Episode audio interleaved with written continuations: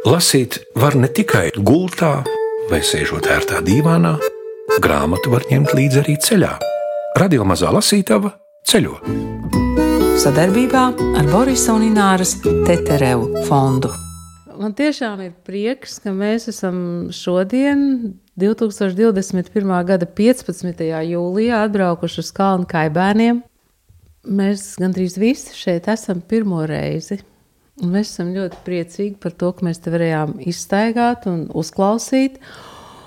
Vēl šis ir unikāls gadījums, kad mēs esam atbraukuši kopā ar rakstnieku, kura grāmata ir tikko, tikko iznākusi.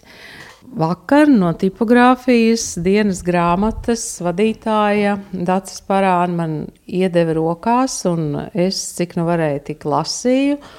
Un šodien ar mums kopā ir rakstnieks Māris Bērziņš. Sveiki, Māri!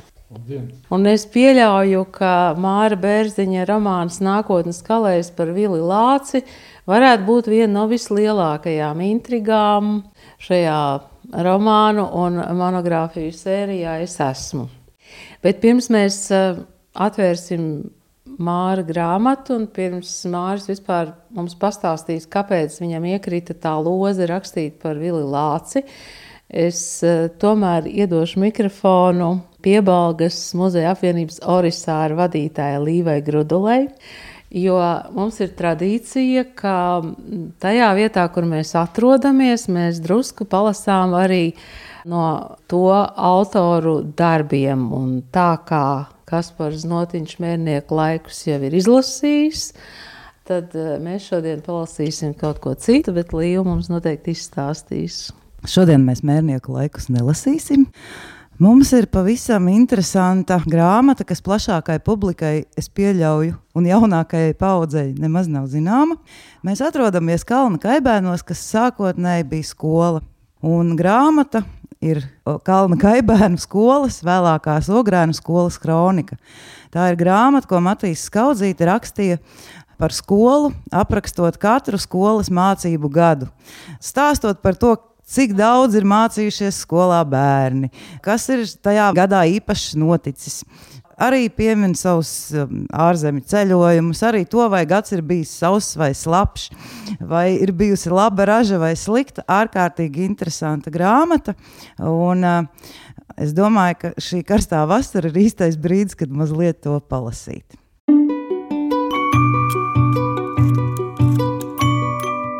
Citas piezīmes. Šogad atkal tuvu priekš Jāņiem bija trešie jo lieliskie vispārīgie dziesmu svētki Rīgā, kur šejienes labdarības biedrības jauktais koģis izpelnījās kā godalgu karoga rotu. Pēc šiem svētkiem ar brāli Reini pavadījām vienu mēnesi jūrmalā, majoros, jūrjā peldēdamies. Šovasar jūnija mēneša sākumā tika noturēti viskopīgi bērnu svētki ar garīgo daļu baznīcā, un vēlāk ar laicīgo daļu un divreizēju pamielošanu Krievu kapos. Tādi svētki bija svinami jau agrāk, pa trim gadiem reizi tādā pašā kārtā un draudzes mācītāja rīcībā. Baltmaizi, sviestu, sierus un tā tālāk saveda pašu bērnu mātes. Mācītājs deva no sevis saldu pienu un tā tālāk.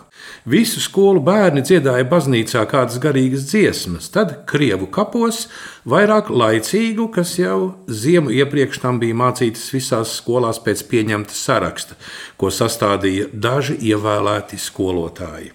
Dziesmu kopdziedāšanas vadītājs bija Kagaiņa skolotājs Jānis Kornets. Kaudzītes Matīs. Man ir jautājums, kas te visu laiku tā čīkst? Tas ir galds. Jo es lasot, šūpojos. Tā kā rabīnas lūkšanas laikā.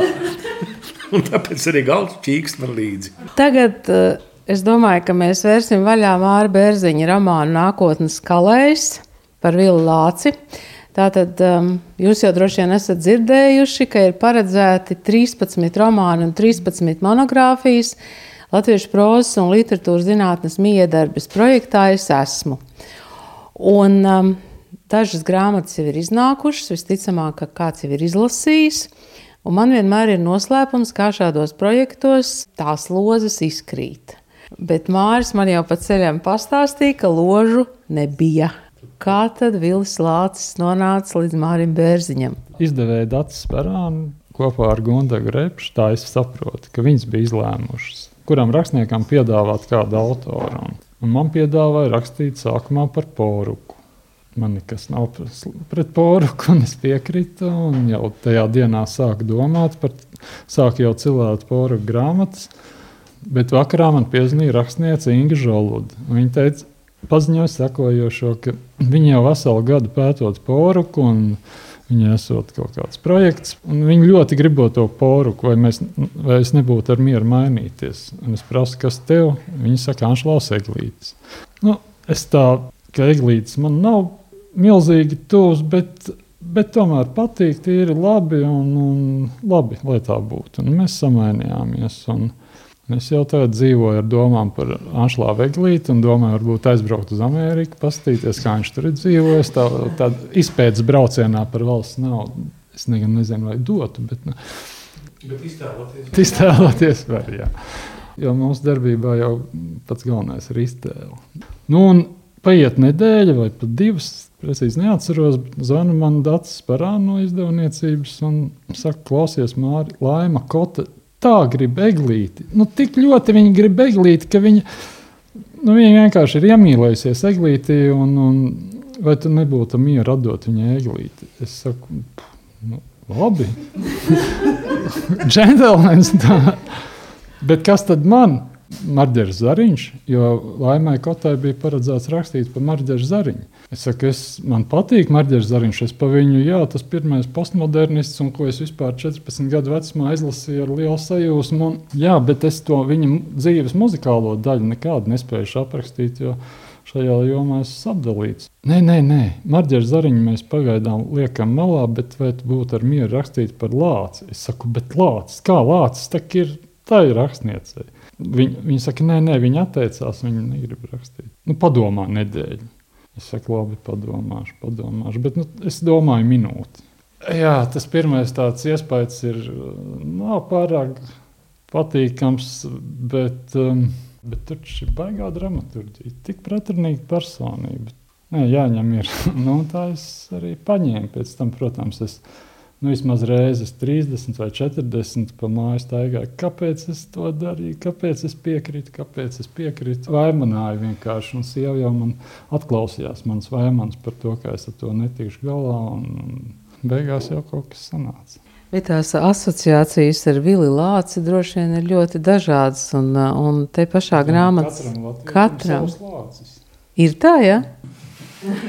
ja nu katram lācim pa latvietim tāda skarba tā ironija. Es domāju, ka Gunārs sākumā varētu izlasīt to, kas ir priekšvārdu vietā, jo tas ir ļoti zīmīgi. Priekšvārdu mēs tikko no autora dzirdējām, kas ir grāmatai, kas ir. Nē, tas ir nepublicētais priekšvārds.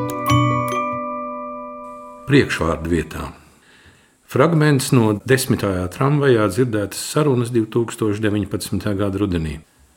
No rakstniekiem skolas laikos man Vīlis Lācis ļoti patika īpaši jau zvejnieka dēls ar Pāvulu galvenajā lomā. Akmeņainais ceļš arī bija foršs. Lācis, nu nē. Zinot, ka viņš 49. gadā parakstījās zem rīkojuma par latviešu izsūtīšanu, es vispār nevienu viņa grāmatu nevaru paņemt rokās. Jā, bet tie bija tādi laiki. Neparakstīt viņš, cits to izdarītu, nebija taču izvēles. Nebija. Ja tu tā saki, tad iznāk, ka tu arī parakstītu. Es? Māri, kāds tev bija lācis pirms tu sāki rakstīt? Terra incognita.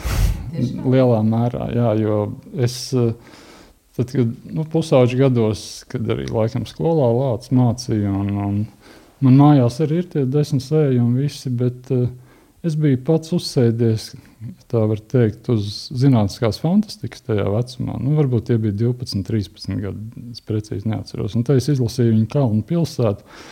Es, es sapratu, ka viņš nav vēl tādā fantastiskā līmenī, tur, kur ir Šeklīs, Bredberijs un tā līdzīgi, Zīmos un tā.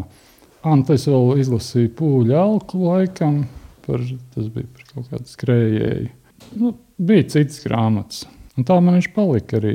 Nu, jā, zvejnieku dēlu es redzēju pa televizoru, tad man vairs nelikās interesanti lasīt, kaut kā salīdzināt. Bet toties sākot no 2019. gada pavasara, tad nu, es izlasīju visus kopotos rakstus vienā piegājienā.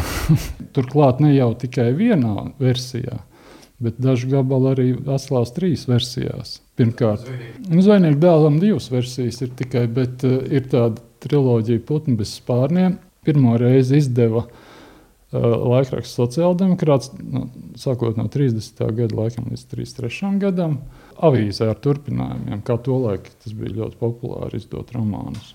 Tā bija viena versija, un tad pēc 34. gada Ulmans nāca pie varas, un tur jau sākās kaut kāda cenzūra.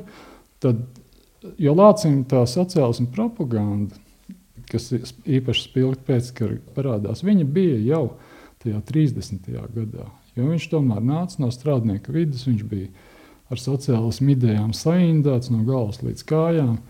Viņa arī brālēni, kas jau bija pat Krievijā dzīvojuši, un, nu, gandrīz kā čekas aģenti ieradušies Latvijā, ar kuriem viņš sadarbojās. Nu, viņš bija ar šīm sarkanajām idejām arī saindējies, un viņš arī grāmatās par viņām rakstīja. Un tad Ulmaņa laikā tās grāmatas, pieņemsim, tie paši putni bez spārniem, tika izrediģēti, es nopirku antikvariātā piecstāvu pilsētu. Tāda plāna grāmatiņa. Izrādās, jā, tiešām ir palicis tikai tas stāsts par to valdu vītolu, par viņu tur vairāk tādām personīgām lietām, bet visa sociālās un propaganda ir izmesta laukā Lumina laikos. Un tad Padomu laikos jau atkal tā ir visa atlikta atpakaļ, un, protams, vēl ar nelielu uzviju. Apgalvot visās, visos gadījumos, ka viņš savus darbus ir pārstrādājis, nu, viņš ir pārstrādājis. Jā, Veco jūrnieku līgstu viņš ļoti pārstrādāja, jo to jau viņš uzrakstīja Ulmaņa laikā, un tur jau viņš ievēroja visus spēles noteikumus, lamāja čekistus, lamāja sarkanos, un tad, protams, lamāja pat žīdus viņš lamāja tur. Un tad pēc kara, protams, tas viss viņam bija jālabo. Romānā arī ir apskatīts tieši kā veco jūrnieku līdzi viņš labo. Jā, starp citu, man šķiet, ka grāmatā ir jāievēro viena lieta, vai arī nav jāievēro, kā jūs vēlaties. Tur ir viena tāda maza zemesvītras piebildīte, ka viss, kas ir slīpajā drukā, tie ir Viļa Lāča teksti. Jā. Tā ir, jā? jā tad eh, tas nozīmē, ka tie ir viņa dienas grāmatas ieraksti, jā. vēstules, nu, kas vēl. Arī laikam avīžu raksti. Arī avīžu raksti periodika. Tur ir dzēja viņa. Jaunības laika dzēja. Tā ir viņa lāča, jā, autentiska dzēja. No, jo viņa jau nebija nemaz tā noslēpusies. Viņa bija, nepateikšu, kurā, bet 70. gados iznāca otrais uh, viņa lāča kopotie raksti, un tie bija 20 25 vai 27 sējumos. Tur arī bija ļoti daudz nepub no nepublicētiem darbiem, un arī viņa jaunības dzēja bija savākta. Un pat kaut kādos 80 gados es periodikā atradu, ka ir viņa lāča mājā jau pēc viņa nāves. Ir diezgan bieži notikuši tādi literāri vakari, kur arī tikusi lasīta viņa dzēja ar aktieriem. Un, Bet eh, droši vien ir eh, jāpasaka, ka mm, romāns ir tādos divos laika līmeņos. Tas viens laika līmenis ir eh, sākot no 1953. gada, jā, pareizi. Jā, un, un tad ir otrs laika līmenis. Lūdzu, izstāst par to. Jā. Pašā sākumā Vils Lācis atrodas Kremļa slimnīcā, kur viņš ārstē savas vainas. Un ir jaunā gada nakts, un tur notiek neliels burziņš. Uh, Pēkšņi viņi, pie viņa pienāk kāda jauna sieviete, ļoti skaista, kas atgādina viņam pat viņa jaunības mīlestību. Un tā ir psiholoģija no Ļeņģeradas, kura sāk ar lāci vārds pa vārdam runāties. Un, uh, Viņi saka, ka nu, psiholoģija ir attīstījusies, un ir arī tādas metodes, kas nu, nav tikai ķirurģija. Un, un viņi iesaka viņam nodarboties paradoxālā kārtā ar rakstīšanas terapiju. Un tur arī citi doktori klātie smējās, protams, ka rakstniekam piedāvā tādu rakstīšanas terapiju nodarboties. Bet tad viņi izskaidro viņam, viņi aiziet divu tādu pie viņa lāča palātā, uz palāti. Jā, jā. Un, un viņi izskaidro viņam smalkāk visu to. Jā, jā. Viņi Viņa viņam uzkāpja uz īkšķa. Viņa uzkāpja uz sāpošā īkšķa, bet viņš beigās, jā, viņš paklaus. Un, Kā viņi argumentē, kāpēc viņam jāraksta? Ir? Tāpēc, ka viņš jau visus savus darbus raksta trešā personā un pagātnē. Bet tā, jo Lācis saka, ka viņš vispār par sevi daudz raksta tajos savos darbos. Viņš daudz ieliek savas emocijas, jūtas, daudz ko izstāsta par sevi, nu, protams, slēptā formā, bet tomēr liek. Bet viņi saka, ka tas nestrādā, jo jūs liekat trešā personā, jūs distancējaties, tāpēc jūs nevarat to izlaist caur sevi pilnībā un tādā veidā terapeitēties. Un jums jāraksta pirmā personā, tagad ne. Un, un tikai tad tas rakstīšanas terapija darbo, iedarbojās. Nu, Lācis tā prāto, par ko nu, viņš iesāka rakstīt ar to brīdi, kad 17. gadā viņa Valmjerā sēžās lopu vāģī, bra lai brauktu uz Sibīriju. Jo nu, vācieši tuvojās, un Pirmā pasaules kara laikā Latvija vispār 600 tūkstoši latviešu pameta. Nu, liela daļa atgriezās, bet nu, daudz arī neatgriezās. Un, nu, viņi arī tajā vilnī muka no Latvijas. Un, līdz pat 21. gadam nodzīvoja Altijā. Māri, tu raksti pārsvarā pirmajā personā tagadnē. Principā visur, izņemot tās vietas, kur, kur drusku ir pagātne, kad lāča tēls, nu, kas es, ja, savā pirmajā personā viņš kaut ko atcerās, un tad tur gribot, negribot jāpāriet uz pagātni. Jā. Saprotams, es zināju, ka Jānis vēl karo, un viņu pašu diez vai satikšu, taču Ja ir kaut niecīgs iemesls un izdevība iegriezties grāmatu bodē, to nevar laist garām. Vēl jo vairāk, ja priekšā garš ceļš, bet ar lasām vielu ir trūcīgi. Diezgan stīvs un nepatīkams ir veikala īpašnieks, tomēr vārds pa vārdam, un es tieku pie kaudzītes lietotu izdevumu. Jaunus pirkt man nav ne naudas, ne vajadzības. Te gan vēlreiz pārliecinos, ka bodnieki tomēr ir lieli skopuļi. Tie sēž uz savas mantas un negrib izlaist no rokām pat, ja briesmas tuvojas un kara vilnis var vienā mirklī visu viņu bagātību iznīdēt.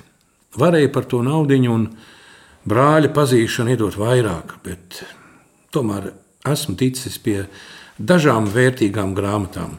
Džeka Londona jūras vilka un saules dēla, Raiņa dzīvoļu krājumiem tālus noskaņas zilā vakarā, un tie, kas neaizmirst, no piedzīvojuma romāniem ir tikpat grūti atteikties kā no saldumiem, taču pagāja tiem ātri garām, lai neieskata mani par prastu puišu ar lētu gaumi. Paņēma rokās Nīčes tā runāja Zaratustra. Kad ar Jāni reiz runājāmies par grāmatām, viņš pieminēja, ka Pēterburgas tiesas palāta likusi no Zaratustras krievu tulkojuma izņemt vairākas daļas. Tā nesot grāmata visiem, bet tikai stiprām dvēselēm. Tāpēc vien kārojās uzzināt ko vairāk un nobaudīt aizliegtā augļu saldumu. Beigās vēl izlūdzos Kalniņu jūra latviešu rakstniecības teoriju. Kārlis Dūnis smīn, laikam grib kļūt par rakstnieku. Atbildu, ka nē. Man tikai gribas uzzināt vairāk par literatūru. Daudz nopietnāk es apdomāju kļūšanu par tā braucēju kapteini bet to bodniekam neatklāju. Lai tev veicas, Vili, ja sadomās kādu interesantu gabalu sarakstīt, vari parādīt man, jo es pats arī grāmatas izdodu. Ā, nu, nezinu. Tik brīnumaini piedāvājumu nudien nebija gaidījis. Tad man ne no šā, ne no tā sametas karsti, es ātri atvados no Jāņa brāļa un diebju uz vokzāli. Ir draņķīga drūma pēcpusdiena, kad kāpjam ešalonā. Valmiera ir kareivju un bēgļu pilna. Visur jūtamas savāda baiga trauksme. Ļaužu sejās var lasīt neizteiktu jautājumu, kas tagad būs. Armija jūg un brūk, dezertieru pulciņi klīst pa ielām, dienvidos glūna vācu pulki, bet apmulsusī tauta nekur vairs nerod atbildi savām bažām. Vēlu vakarā vilciens izkust, un mēs, daži simti cilvēku, braucam uz austrumiem tālajā trimdā. Mēs pametam dzimteni un esam nobādājušies, tomēr katrs sirds dziļumos lolo cerību par laimīgākām dienām. Mārķis vai rakstot par eh, Vili Lāci, nākas kļūt viņam mazliet par advokātu.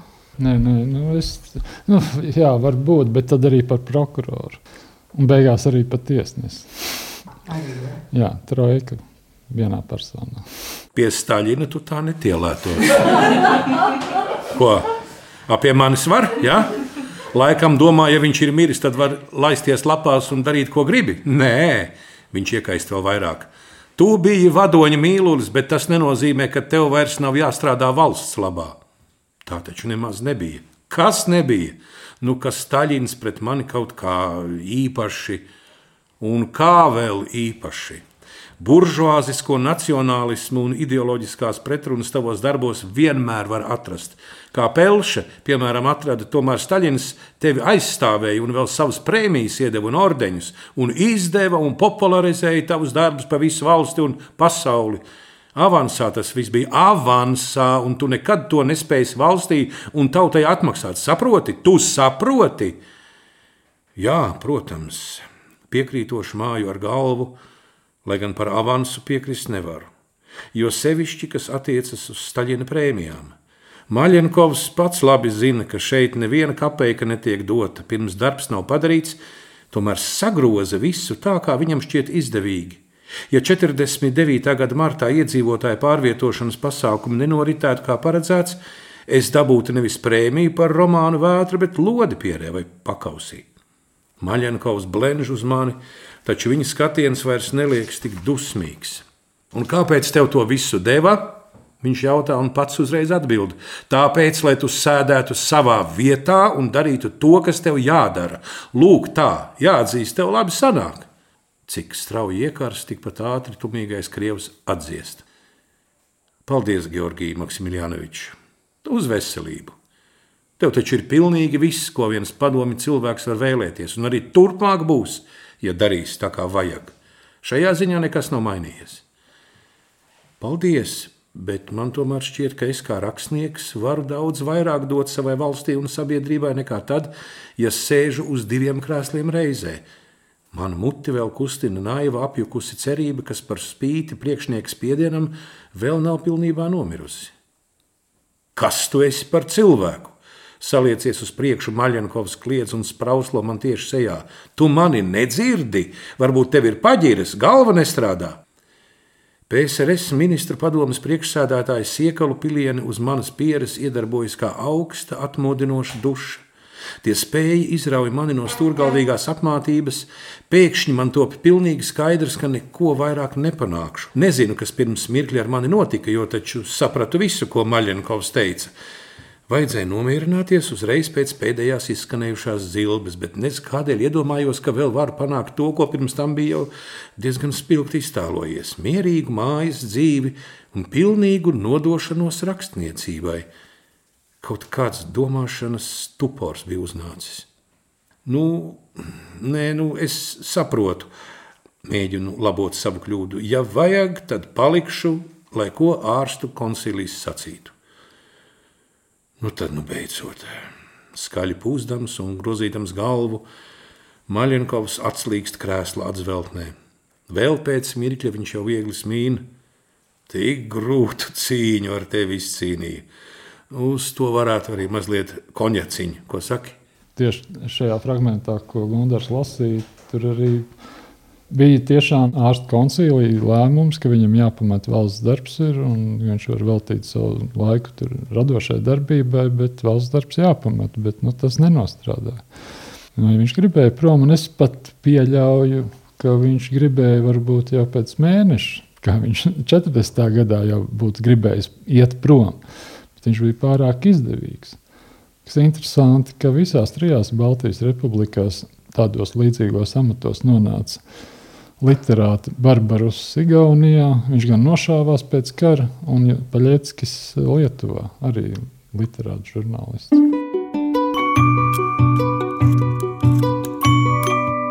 Un tomēr, tomēr par slavu nesmu visu līdz galam izdomājis. Tur ir vēl kas. Nevis Maļņakovs, bet slava ir tā, kas mani nelaiž vaļā no šī amata. Ja mani nelasītu visā valstī, tad diez vai es ilgi noturētos tik augstā vietā. Ja manas grāmatas nepirktu, tad visticamāk es ātri vien būtu aizgājis pa to pašu taku, kuru Jūlijas Lācis un daudz citi. Nē, nekur es neaizietu, jo neatzītu rakstnieku neviens neaicinātu valdībā. Par mani pat neiedomātos. Slava tomēr ir maita. Savā ziņā mani ir iegāzusi. Bet kas to maitu radīja? Es pats neko nedarīju, lai kļūtu slavens, tikai rakstīju stāstus un romānus. Tie ir cilvēki, kuri meklē sev varoņus, un, ja kaut kas dikti iepatīks, tad uztaisa no tā sev apjūsmošanas elku. Ne jau bez pamata, grāmatas man sanāk diezgan labas. Tomēr ne es, bet tauta bija tā, kas veicināja manu popularitāti. Un kas tad sanāk? Kas patīk tautai, vai precīzāk, kāda ir tautas literārā gauma? Tādu vadītāju tā arī dabūjusi. U, bet Maļņikovs tomēr ir maita. Maļņikovs tomēr ir maita. Nemaz nemēģināja iejusties manā ādā. Ja pašam tā sāpētu, neko es vairs nedarīšu, lai viss iet ratā. Ja jums ārstu slēdziens neko nenozīmē, tad nu negaidiet no manis nezko. Diezgan esmu vilcis, jādomā vairāk par savu veselību. Nezinu, ko viņi teiktu, ja es nomirtu. Vai, vai cik žēl, tāds labs rakstnieks bija un vadītājs, kā mēs viņu nenosargājām. Vajadzēja ļaut viņam atpūsties, ārstēties, viņa teiktu, bet tad jau būs par vēlu.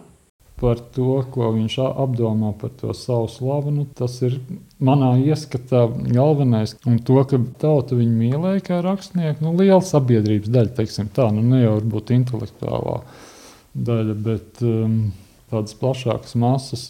Tādēļ jau arī viņš tika aicināts, pieglājmots, iekārdināts un dažādi, nu, vai, vai pat ar spiedienu kaut kādu. Jo viņš jau bija savējais, un ja viņš bija sapinies ar čekistiem, tad nu, tur neko vairs nevarēja.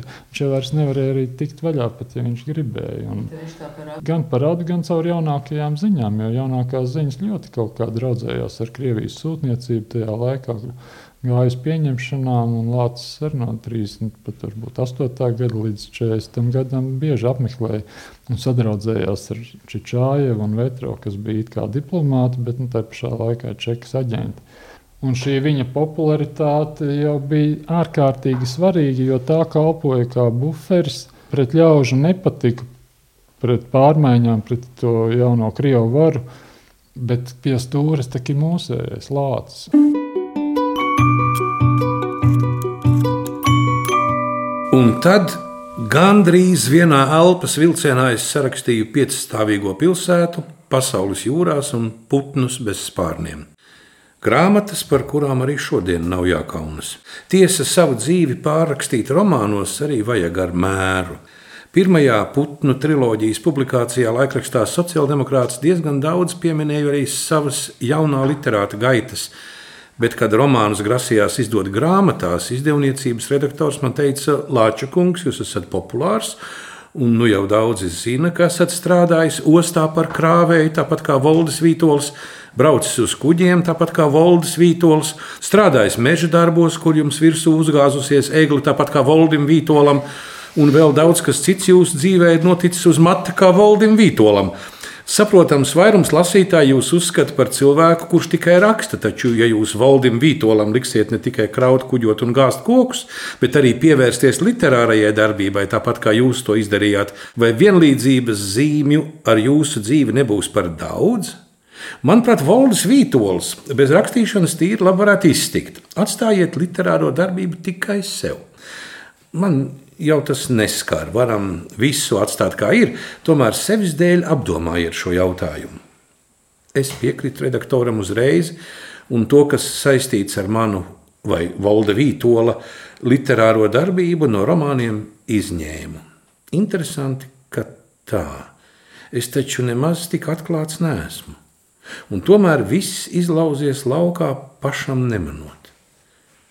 Jā, Es te tā guļu un skaisti atceros, bet vajadzēja šīs pārdomas pierakstīt terapijas burtnīcā.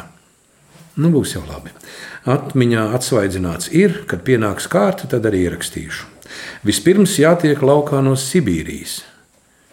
Hmm, darētu kaut ko iekost. Nu, pareizi, šodien tak neko daudz neesmu mēdis. Jāceļas vien augšā, un jāčāpo uz virtuvi. Ar tukšu vēderu nevarēs aizmigt ja laika mainītos, jūs būtu arī ar to romānu pārstrādāt?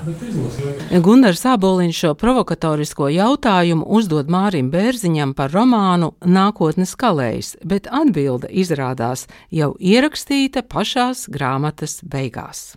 Beigas. beigas nenozīmē, ka šis romāns nekad netiks pārstrādāts. Kalna kaibēnos lasīja un klausījās arī Agita Bērziņa, Gins Grīvāns, Guntis Stankevičs, Nora Mitspapa un Ingvilda Strautmane. Lasīt var ne tikai gultā vai sēžot ērtā dīvānā, grāmatu var ņemt līdzi arī ceļā. Radio mazā lasītava ceļo. Sadarbībā ar Borisa un Ināras Teterevu fondu.